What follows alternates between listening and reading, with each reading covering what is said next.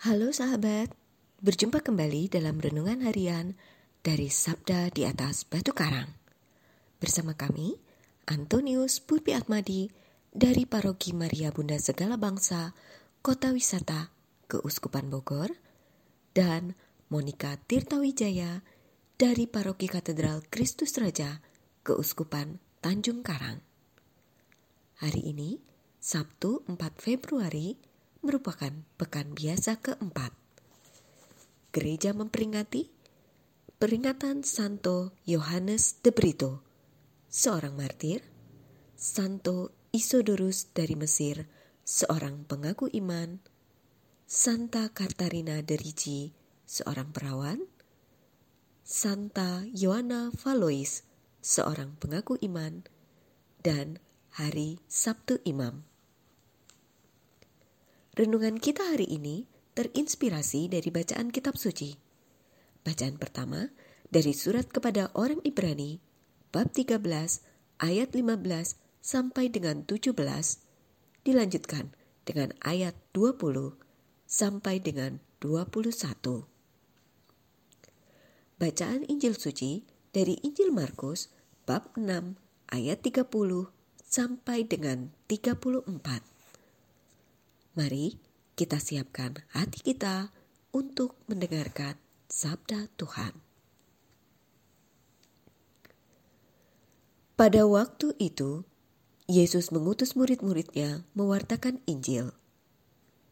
Setelah menunaikan tugas itu, mereka kembali berkumpul dengan Yesus dan memberitahukan kepadanya semua yang mereka kerjakan dan ajarkan. Lalu Yesus berkata kepada mereka, "Marilah kita pergi ke tempat yang sunyi, supaya kita sendirian dan beristirahatlah sejenak." Memang begitu banyaknya orang yang datang dan pergi, sehingga makan pun mereka tidak sempat. Maka pergilah mereka mengasingkan diri dengan perahu ke tempat yang sunyi. Tetapi pada waktu mereka bertolak, banyak orang melihat dan mereka mengetahui tujuannya. Dengan mengambil jalan darat, segeralah datang orang dari semua kota ke tempat itu, dan mereka malah mendahului Yesus. Ketika mendarat, Yesus melihat jumlah orang yang begitu banyak.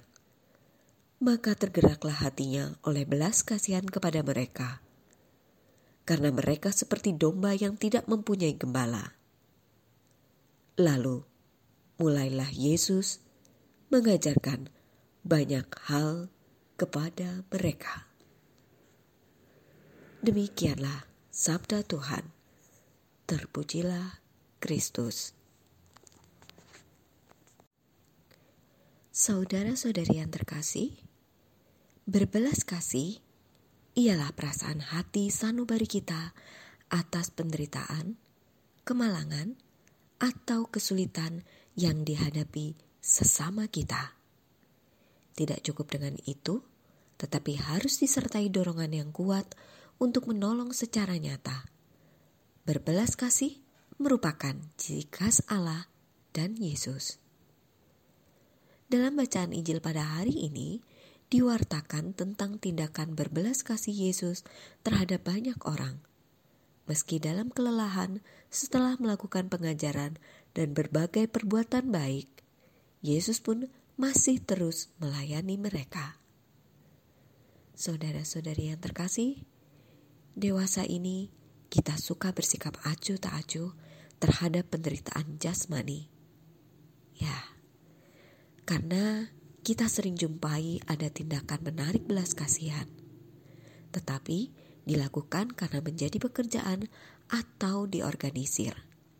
Misalnya, para pengemis yang berwajah memelas di perempatan jalan, yang ternyata mereka diorganisir dan punya rumah atau mobil.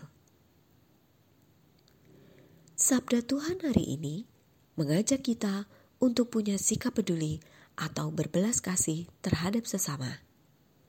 Yesus ingin dan mengharapkan agar para pengikutnya memiliki sikap hati dan perbuatan belas kasihan terhadap sesama kita. Ya Yesus, semoga aku mampu mewujudkan sikap belas kasih-Mu. Amin.